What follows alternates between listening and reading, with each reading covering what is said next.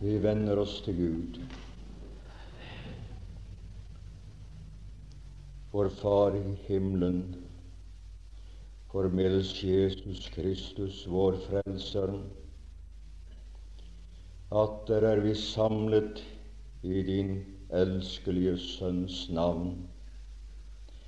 Atter igjen har vi hørt ditt ord Atter igjen er det blitt sunget om din frelses makt og nåde. Vi ber Deg at du i fortsetningen av dette møtet vil styrke tilliten til Jesus, og at vi alle sammen må få se hvilken stor frelse, hvilken vidunderlig frelser vi har, hvor godt det er å være frelst ja, vi ber deg at du vil lyse på ordet, så sjelene får lov å gledes i et fullbrakt frelsesverk, som gjelder tiden og fremtiden og evigheten. Vi ber deg om din signing over samværet, o Gud, for Jesu Kristi skyld. Amen. Vi er kommet til en siste kveld i denne serie av møter hvor jeg har forsøkt å dvele ved sannheter som står i Romerbrevet 8. Det er mangt og meget jeg har ikke vært i stand til å berøre, men noe har vi da fått stanse ved. Og det som skulle være mitt emne i kveld, det er de troendes bevarelse. Og vi skal lese fra avslutningen av dette kapitlet, vers altså Romerne 8, fra det 35. til og med det 39. vers i Herrens navn. Hvem vil skille oss fra Kristi kjærlighet. Trengsel eller angst eller forfølgelse eller hunger eller nakenhet eller fare eller sverd, som skrevet er, for din skyld drepes vi hele dagen. Vi er regnet som slaktefår.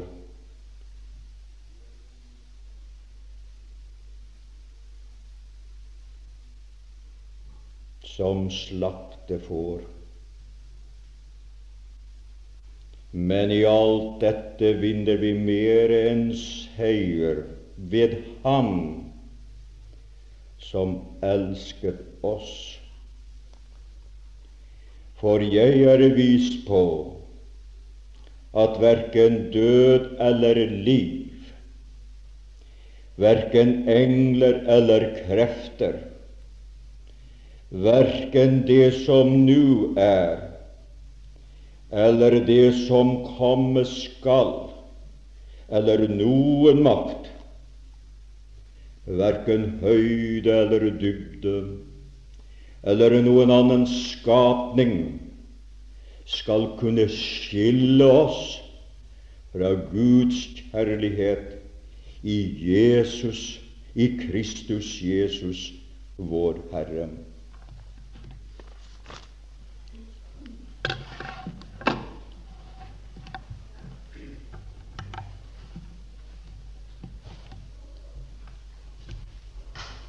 Når emnet er i kveld det troendes bevarelse. Så er det spørsmål om hvem er troende. Er det dem som har en historisk tro at der finner at der har levd en mann som heter Jesus? Ja, det kan jo være Det er jo det første betingelse, men det er ikke nok. De troende, det er dem som har sett seg som fortapte syndere, og ikke vet seg noe annet til frelse enn Jesu Kristus og ham korsfestet, og den renselse som finnes i lammets blod. Det er dem som har kommet til ham slik som de er, og ikke fått Kristus og kompani, så de skulle gjøre litt, og han skulle gjøre resten. Men det er sådanne som har overlatt seg til ham og fått ham som frelse, og som ved troen på Jesus Kristus har blitt gjenfødt og er rettferdiggjort, eller er rettferdiggjort ved troen, og derved også samtidig gjenfødt, og som har flyttet over fra Adam, den gamle stamfar, og ved troen og ved Den hellige ånd er blitt overført i Kristus, så de er i Kristus. Når det taler om det troendes bevarelse, er det bare dem som er i Kristus. Det er ikke bevarelse for dem som er utenfor Kristus. For dem som er utenfor Kristus, har ikke Den hellige ånd. De som er utenfor Kristus, de har ikke det evige liv. De som er utenfor Kristus, de er fortapte. Men dem som er i Kristus, det er dem man har påtatt seg å bevare. Nå, i disse korte ord, vi vil da være klar om hvem saken gjelder. Og nå skal vi betrakte emret fra to forskjellige synsvinkler.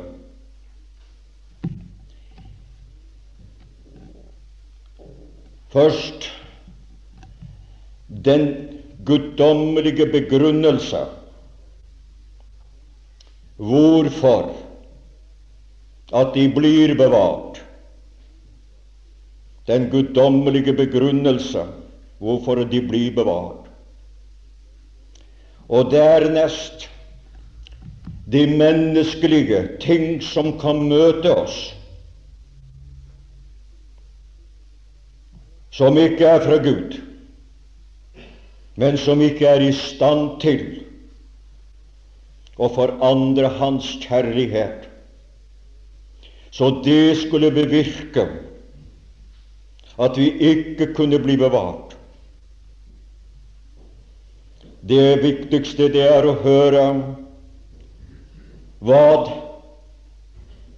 Guds ord gir oss visshet om hva Han vil gjøre for dem som har tatt imot ham som sin personlige frelse.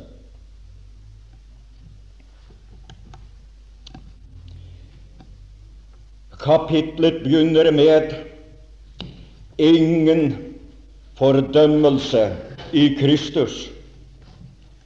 Og hvis det er ingen fordømmelse i Kristus, Da kan de jo ikke gå og dem som er ikke er noen som ikke er domfelt, som det ikke er noen fordømmelse for. Kapitlet slutter med ingen atskillelse for Kristus.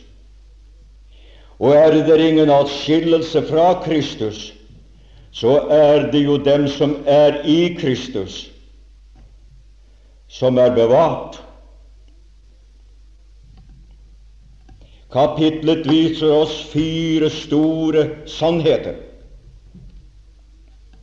Det troende er godt frelst i Kristus. De er godt frelst i Kristus. Det er ikke knepent. Det er ikke tvilsomt.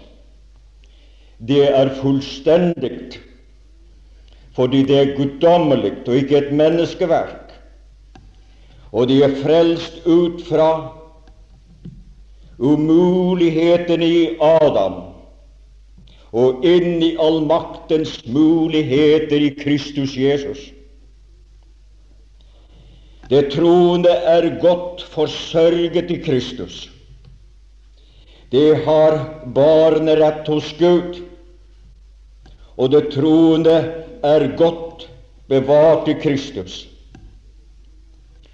Ingen personer og ingen andre ting skal kunne skille dem fra Guds kjærlighet, fra Kristi kjærlighet og Guds kjærlighet, Guds kjærlighet i Kristus Jesus.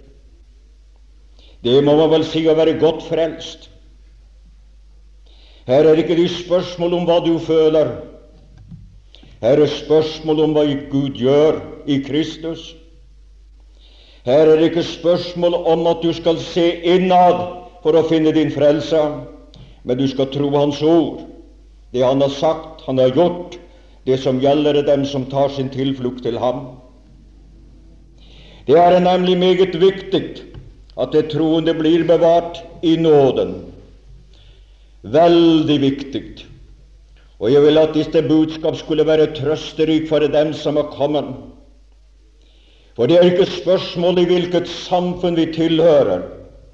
Det er bare spørsmål om hvem vi tilhører. Tilhører vi Jesus? Er vi Kristus Jesus? Det er det som er det avgjørende. Og til dem vil jeg gjerne tale trøstens ord her i kveld. Det er meget viktig at gjentar jeg at de troende blir bevart i nåden. For det første, der er ingen gavn for oss om vi ikke blir bevart. At vi var frelst ett år og to år, og så gikk fortapt. Hva nyttig ville være det? Det ville ikke være noe gavn. Det ville være en forspilt tid. Det ville være en stor skuffelse. Det ville være et mislykket begynnelse og et faktisk talt et trøsteløs avslutning. Det vil ikke være det noe gang for oss om vi bare begynte, og så ikke Og det var Han som begynte i oss. Skulle Han så slutte i oss, skulle så da være slutt. Der er ingen lønn for Kristus om vi ikke blir bevart. Ingen lønn for ham. Således skal Kristus få lønn fordi at han bevarer dem, at han får dem som resultat for sitt frelsesverk. Og der er det ingen vil ikke være noen ære for Gud hvis dem som han har elsket så høyt at han gav sin sønn i døden, og døde for dem, og de tok imot ham, og så de gikk fortapt når de allerede har vært i Kristus Jesus. Det ville være ingen ære for Gud og ingen gevinst for Kristus og et evig tap for oss. Men det er også andre gode grunner hvorfor at det er meget viktig for Kristus at det troende blir bevart. Nå taler jeg om de guddommelige grunner for at vi skulle kunne bevares.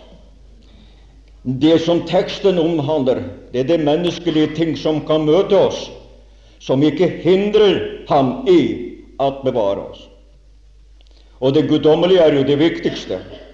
Hvor langt jeg kommer når det gjelder det menneskelige, det får vi se tiden. Her er jo flere av Herrens vitner her, og jeg kunne gjerne likt å dele tiden med dem. Men vi går videre. Det er meget viktig. Han har fått oss av Faderen. Det var dine, men du ga med dem. For giverens skyld er det viktig at det blir bevart. Du vet når du har fått noe godt, og noe stort og noe dyrebart fra en som du har kjær, så er det så viktig at du beholder dette, ikke bare for den saks skyld, men just fordi at du fikk det fra ham. Og Derfor er det så viktig at bli vart for hver eneste frelst sjel er en gave fra Faderen til Sønnen. Og for Faderens skyld og for gavens skyld er det viktig at de blir bevart. Ja, for gavens skyld. Det er jo det som er gaven fra Faderen. Og hvor viktig er det ikke da for selve gaven at det blir bevart? At han kan si 'Jeg fikk dem, de er mine'. Skulle han så tape dem som han har fått, og si 'Nå er de ikke lenger mine', så ville det falle tilbake på giveren. Det var mislykket, den der gaven. Og det vil falle tilbake på, på mottakeren, og han kunne si 'Hvorfor passet du ikke på gaven din?' Og selve gaven, den var jo der borte. Men en videre han har erobret dem og tatt dem som bytte fra djevelen den sterke, da han som den sterkeste gikk inn og tok den sterkes bytte. Da Gud ved ham avvæpnede makterne og myndighetene og stilte dem åpenlyst til skue. Og det skjedde jo på korset. Og dersom det troende ikke blir bevart, da har Kristus ikke vunnet seier. Da har han gått ut av slaget som den tapende, for det er hans seiersbytte. Hvis det ikke bevart, så har han tapt det han stred for, det han kjempet for, det han gav seg hen for, det han kom for at virkeliggjøre. Derfor er det at de troende må få lov å tro seg selv bevart også av disse grunner. Det troende har han heller ikke da har han heller ikke noe bytte. Da har han både tapt slaget og tapt byttet. Skal Kristus være den tapende? Og nei, han er den seirende. Han seiret over døden. Han seiret over djevelen. Han seiret og tok byttet. Han seirer ved å beholde byttet. Han seirer ved å bevare det han har tatt. Lovet være Gud, en slik frelser har du og jeg. Du kan regne med ham. Han har all makten. Jeg har all makt i himmelen og på jorden. Og denne allmakten er også satt inn når det gjelder de troendes bevarelse. Vi har en stor frelser, ikke en liten frelser. Vi har ikke en avmektig frelser, men vi har en allmektig frelser. Vi har ikke en frelser som er villig til å slippe oss, men som holder oss, og det er velsignet. Du må få lov å tro på din frelse, selv om du synes det at det er skrøpelig. Så har du en frelser som er mektig.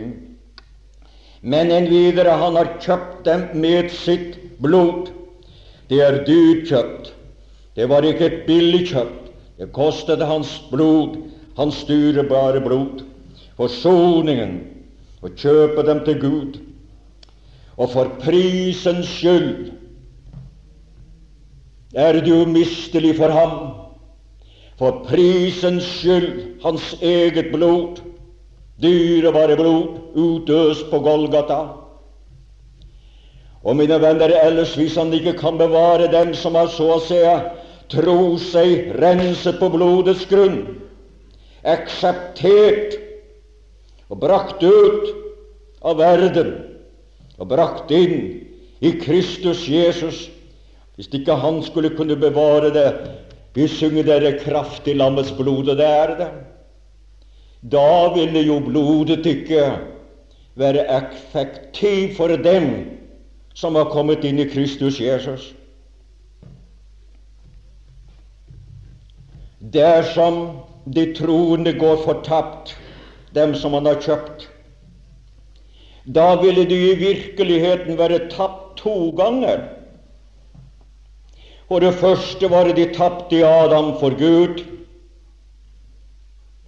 Men så hadde de så gitt seg over til vår Herre Jesus Kristus. Og så var det det ble de ikke bevart, så var de da tapt for Jesus, tapt to ganger. Intet i Skriften lærer noe sådant. De som er vunnet, er vunnet for evigheten. De som er i Kristus, er der for å bli der. Derved er det er som at således at blodet ikke var effektivt for dem, så var også prisen verdiløst når det tapte var borte. Men han har også vunnet dem ved sin kjærlighet. Og fordi at han har både fått dem og vunnet dem med slaget og kjøpt dem med blodet og elsket dem inntil døden, så de kan si de er mine. Det er som han skulle tape den. Den som taper det, det dyreste han eier. Ja, det som er hans hjerteskatt, den brud han hadde vunnet seg. Et menneske som taper sin kjæreste, sier, for det ligger i ordet dette, det kjæreste jeg eier og har. Han har fått oppleve det største tap som kan tenkes. Det er som hjertet er revet ut av ham. Skal Jesus times dette, at det man har fått for en stund, den skal han tape? Nei og atter nei.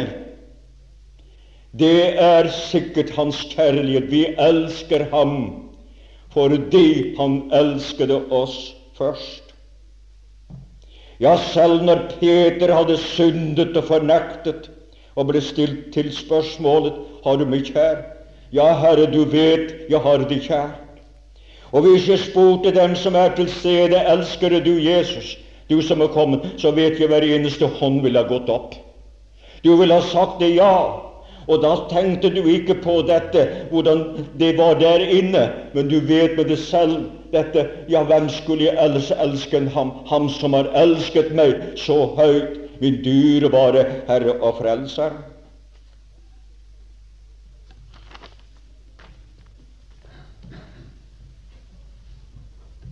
Det er nemlig uttrykkelig sagt at det troende skal bli bevart for Kristus. Og av følgende grunner. De taler nå de, de guddommelige begrunnelser for det. Og han har nemlig gjort det på den måte, bl.a. av det som jeg har sagt, at han har plassert dem på et sikkert sted. Når du har verdipapirer, så kan hende du leier en bankboks. Og der er du sikker på det jeg regner med at det er for at ikke tyven skal stjele dem. Du forsøker å gjemme det på det som er dyrebart. Hvis du tror det er fare, så, så gjemmer du. Og disse som han har kjøpt, og disse som han har fått, og disse som han har vunnet, og disse med sin kjærlighet, dem har han plassert på et sted hvor de er umistelige, hvor de ikke kan røves, hvor de ikke kan stjeles. Hvor har han så plassert dem? Han har plassert dem i guddommens hender. Hør hva det står i Johannes det 10. kapittel og det 28. vers. Ingen skal rive dem ut av min hånd. Hans hender er allmaktens hender. Og han sier ingen Mente han det? Ja. Skal det virkelig gjøres? Ja. Hvem skulle kunne gjøre det når at han sier ingen? Kan djevelen gjøre det, da? Kan verden gjøre det? Kan de onde åndsmakter gjøre det? Kan noen annen gjøre det? Ingen skal rive dem ut av min hånd. Det er hans egen ånd, det er allmaktens ånd. Og i Johannes det tiende kapittel og det 29. vers ingen kan rive dem ut av min fars hånd. Ingen kan, ingen skal, og ingen kan Det er, det er veldige ord, der. Det er trøsterike ord. Det er noe som, som Guds barn som du kan falle tilbake på. Det er noe som du kan stole på. Det er de guddommelige løfter, det er de guddommelige garantier. Gud står bak ved sine ord, og han vil oppfylle sine ord. Og det er trøst i det han har sagt. Ingen kan, nei, ingen kan røve dem ut, ta det ut av min hånd. Det troen er innesluttet i Herrens hånd hvor de hviler. Herrens hånd er under dem, for der hviler de, og der er de skrevet. Og Faderens hånd er over dem. Og når Sønnens hånd og Faderens hånd er lukket, så sier Skriften her ingen skal kunne rive dem ut av min hånd. Og jeg vil gjerne trøste deg med, du som er her, om du kjenner deg svak og skrøpelig, bare tro på ham og regn med ham. Og denne kjærlighet skulle bevirke det at du elsker ham, ham som har elsket deg så høyt. Men en videre, altså han plasserte dem på en guddommelig, i det guddommelige hender. Og disse guddommelige hender de skulle jo være sterke nok. Det skulle være trygt nok å være der. Det er altså hvem har, i hvem man har plassert dem, og det er å være plassert i Kristus, det. Og det er å være kalle lemmet på Kristi legeme for å sette fra en annen synsvinkel. Men han har også plassert dem på et meget sikkert sted. Plassert dem hos sikre personer. Guddommen, Fader og Sønn, men har plassert dem på et sikkert sted. Det sitter nemlig i himmelen. Det er som det troende som i stilling sitter i himmelen, og de går fortapt, så må de jo kastes ut av himmelen. De sitter i Kristus, sitter i himmelen i Kristus. Der sitter hver eneste en som har tatt imot Jesus Kristus her i kveld, og alle andre steder. Du sitter der stillingsmessig. Du tilregnes hans dyder, hans fortjenester. For i sin korsdød, der fjernet han alt det som kunne fordømme oss i Adam.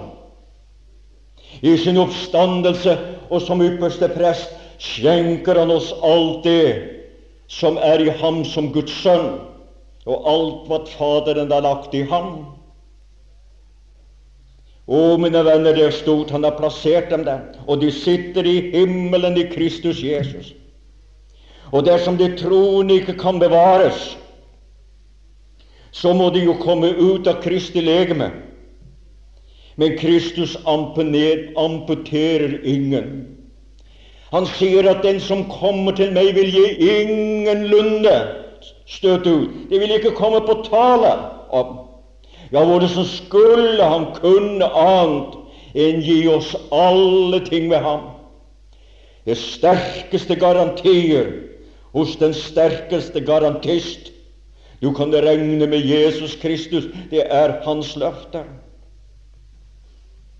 Men en videre så har han altså ikke alene plassert oss i de sterkeste hender, i guddommens hender, og plassert oss på det sikreste sted.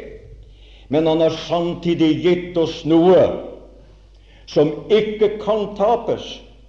Og du kan få det skriftelig, slik som Abraham Thomsen sa. Og det du og jeg får skriftelig, det må vi få lov å tro på. Det må vi få lov å regne med, for det er holdbart. Der står Gud adårt.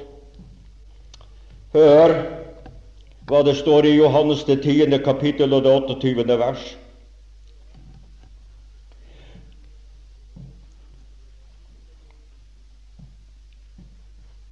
Og Hør godt etter, om jeg leser rett.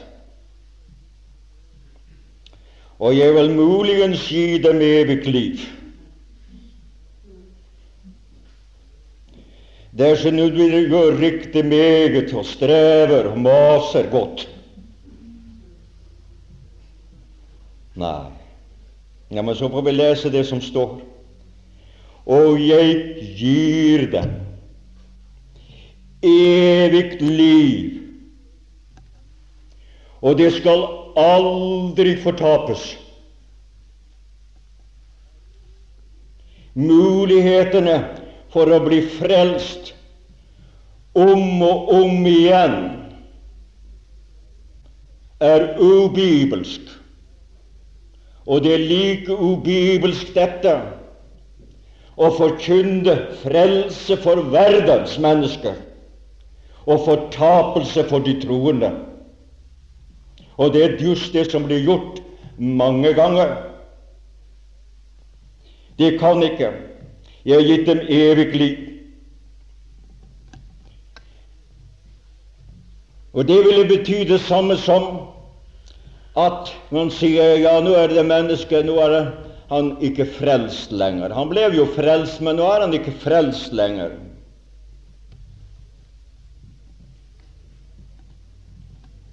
Det ville være, sier det kan hende så, at de har kommet mange ganger til bordsbenken, og så har de, de har blitt borte, og så har de blitt frelst igjen, og så har de blitt frelst igjen. Vet du hva det ville innebære? Det ville innebære dette at de måtte tas ut av Sønnen og fjernes fra himmelen og fjernes fra stillingen og brutes tilbake og tas ut og flettes tilbake. Og det ville være det samme som at jeg har gitt dem evig liv, at dette var et feilt navn. For evig liv det er et liv som ikke opphører. Det er et liv som ikke slutter.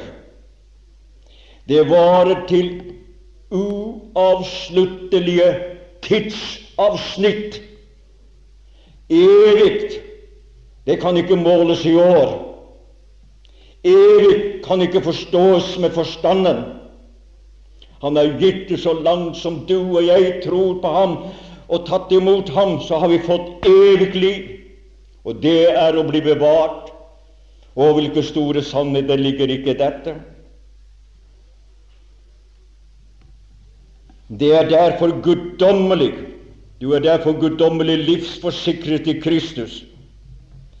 Kristus er deres liv, og hans liv kan ikke gå tapt. Hans liv kan ikke dø, og Kristus er vårt liv den som har Sønnen av livet. De er Kristi, de er Kristi lemmer, de som er i Kristus. Og han har det ikke med å amputere og sier nei, nå de er de lemmerne døde, dem får vi helst amputere. Og så omvender det seg til igjen, og så kommer det til Vår Herre igjen. Nei, jeg tror jeg får, plassere dem igjen i legemet. Og så på den går det opp og ned på dem. Det er ubibelsk. Skriften lærer ikke noe sånn. Er du i legemet, er du i legemet. Det troende er gjenstand for tuktelse og oppdragelse, og det kan være hår nok. Men dem som har kommet til Kristus, men fordi at mennesket sier 'jeg er en kristen', det er ikke det samme som at de er gjenfødt. At de sier til og med det troende er ikke avgjort. Det er det bare spørsmål har de virkelig tatt imot Jesus regner de fullt og fast med ham, er han alt for dem, og de ikke vet seg noe annet eller noen annen til frelse, ja, dem vil jeg ingenlunde støte ut. I realiteten så skulle jeg nå ha stoppet. For nå har jeg sagt det, det som er det viktigste, for det er den guddommelige begrunnelse og det han seg de skal ingenlunde fortapes. Kan du finne sterkere ord? Finnes det et sterkere ord i språket? Det finnes det ikke. De skal ingenlunde fortapes. Men jeg må si noen få ting ennå. Og det er bevarelsen sett ut fra en menneskelig synsvinkel. Det her var bevarelsen sett fra en guddommelig synsvinkel vi har stans ved. Og det er det ikke når det kommer til stykket, så er det guddommelig. Men nå skal vi se ut fra en, en, en menneskelig synsvinkel. Og det er det som disse versene var som jeg leste avslutningen av Romerbrevet 8. I teksten er det omtalt syv maktfaktorer eh, som kan være imot oss, men som ikke makter å skille oss fra Kristi kjærlighet, Jeg heller fra Guds kjærlighet. Her er det mange som leser feil. At det som ikke skal kunne skille oss fra Kristi kjærlighet, så begynner det å si det er vel tale om min kjærlighet. Det er feil. Her er ikke tale om din kjærlighet, enten varm eller kold, liten eller stor. Her er det bare talt om Kristi store kjærlighet og Guds store kjærlighet. Han som gav sin sønn til frelse for verden som tror. Og han som ga sitt liv og sonet og kjøpte og kalte, slik at du kan få lov å være hans. Det er hans kjærlighet. At det er ingenting som kan møte oss. Her er syv begrunnelser av alt det ting som kan komme og være imot oss, som på ingen måte kan influere på hans innstilling imot oss, så at hans kjærlighet skulle bli mindre, og hans kjærlighet skulle opphøre, slik at han ikke elsket oss. Nå får jeg ikke tid. Jeg skulle hatt to prekener dette, over dette emnet. Men jeg skal nevne de i all korthet. Men jeg får ikke tid til at, at, at utdype dem. Og nå nevner jeg efter i rekkefølge det som kan ramme oss her i livet. Det kan ikke skille oss fra Hans kjærlighet. Og det er mange ting som kan ramme oss. Og så er det nevnt her flere ting. Ja, tre ting her er nevnt som kan ramme oss i livet, som ikke vil skille oss fra Hans kjærlighet. Og det første som er nevnt, er ytre trengsler og indre angst. Trengsel eller angst står i det 35. vers. Han elsker oss tross trengselen. Og trengselen, den er på utsiden. Det blir trangt. Og angsten, den er på innsiden. For meget på utsiden som trykker på, og for meget på innsiden som gjør ondt. Og det kunne utdypes, men det gjør vi ikke. Men det vil på ingen måte forhindre ham. Han vil elske deg. Tross dette kan hende enda mer. Hva tid er det at en mors kjærlighet særlig kommer til syne? Er det ikke når det er noe som fattes barnet? På en spesiell måte. Og det større vanskeligheten, det større omhuen er det. Ytre forfølgelse og indre hunger, det kan ikke forandre hans kjærlighet. Forfølgelse eller hunger. Jaget av fienden. Jaget av hunger. Det er mange mennesker som har blitt for det var det har blitt trangt. Forfølgelse eller angst. Du kan tro de har det svært bak jernteppet og bambusteppet. Og det er mange år siden det ble sagt og påpekt at det ble likvidert 20 millioner, sa en bisk, svensk biskop, bak jernteppet. Ikke for at fordi, deres, fordi deres kristentro ble regnet som motstand mot staten, og de var farlige for samfunnet. Og det ble ikke regnet som kristendomsfolkelse, men var det? Ja, det er blitt sagt av dem som har kjennskap til det,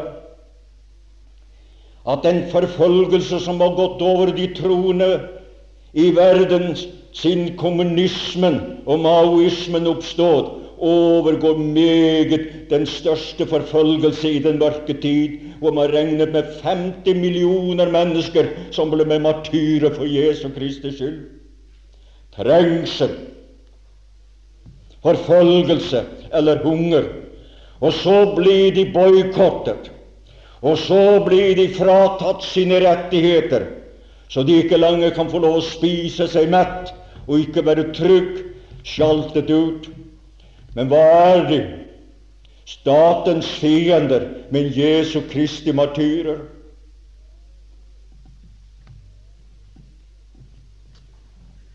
Saksen og kniven.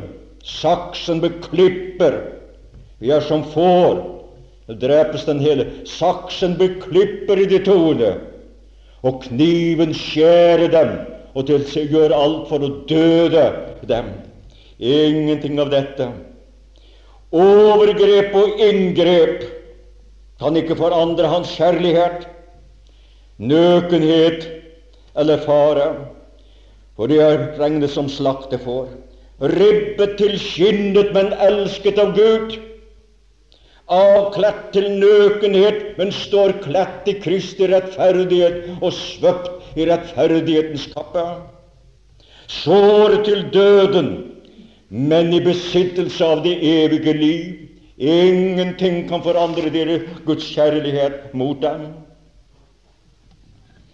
Dere enn videre det som er i oss av ondt eller godt, kan heller ikke forandre hans kjærlighet. For jeg er vist på at verken død eller liv skal kunne skille oss fra Guds kjærlighet. Døden, den har vi i oss i det adamittiske kjød. Ja, vi dør daglig, men ingenting kan skille oss fra Hans kjærlighet. Og livet har vi i oss. Og selv om man tenker på det, det gode av et liv i velferdsstaten, så er det dog det er ingenting som kan skille oss fra Kristi kjærlighet. Det som er rundt oss av ondt, av onde åndsmakter, kan ikke skille oss fra Kristi kjærlighet. Verken engler eller makter. Her er tomt eller englemakter. Og det er ondskapen sånn det er i himmelen, himmelrommet. Men kan ikke skille oss fra Kristi kjærlighet. Og her er omtales krefter. Og det er mange slags krefter. Det er politiske krefter, og det er ideologiske krefter, og det er demoniske krefter. Ja, det er krefter, da. Men alt dette skal ikke kunne skille oss fra Kristi kjærlighet. Det som er høyt, hører nuet og fremtiden til, skal ikke kunne skille oss fra Kristi kjærlighet.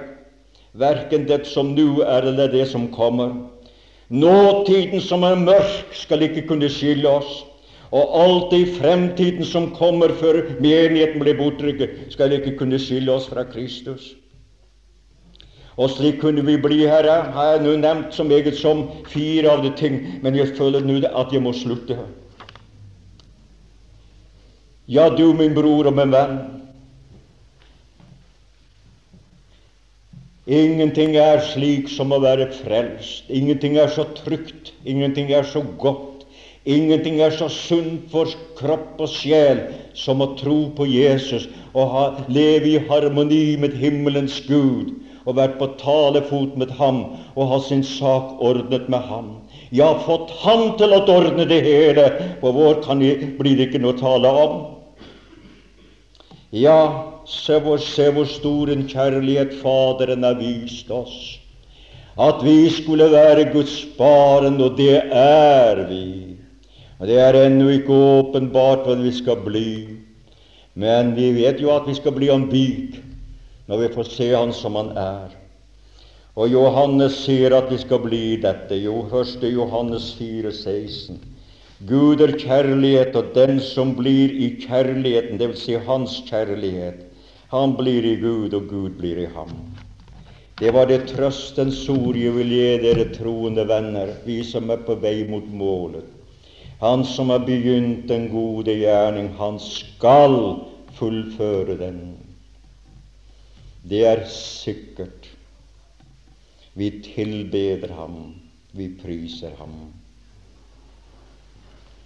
Å Herre vår Gud, vi mangler ord og evne til at du trykker og som den takknemlighet som våre hjerter rommer når det er tale om dette hva du har frelst oss fra, og det hva du har frelst oss inn i din Sønn, og hva du har frelst oss til, at vi i fremtid og evigheten skal være deg til pris. Så la din signing hvile over denne forsamling og din stridende menighet hvor du har dem. At de måtte ha en stor frelse, en stor frelser, som har sørget for at jeg skulle få en stor og sikker frelse. Jeg tilbeder deg, jeg priser deg, at du også tok av meg støvets barn, at jeg skal få lov å være din for evig. Takk og pris, vår Herre og Frelser. Amen.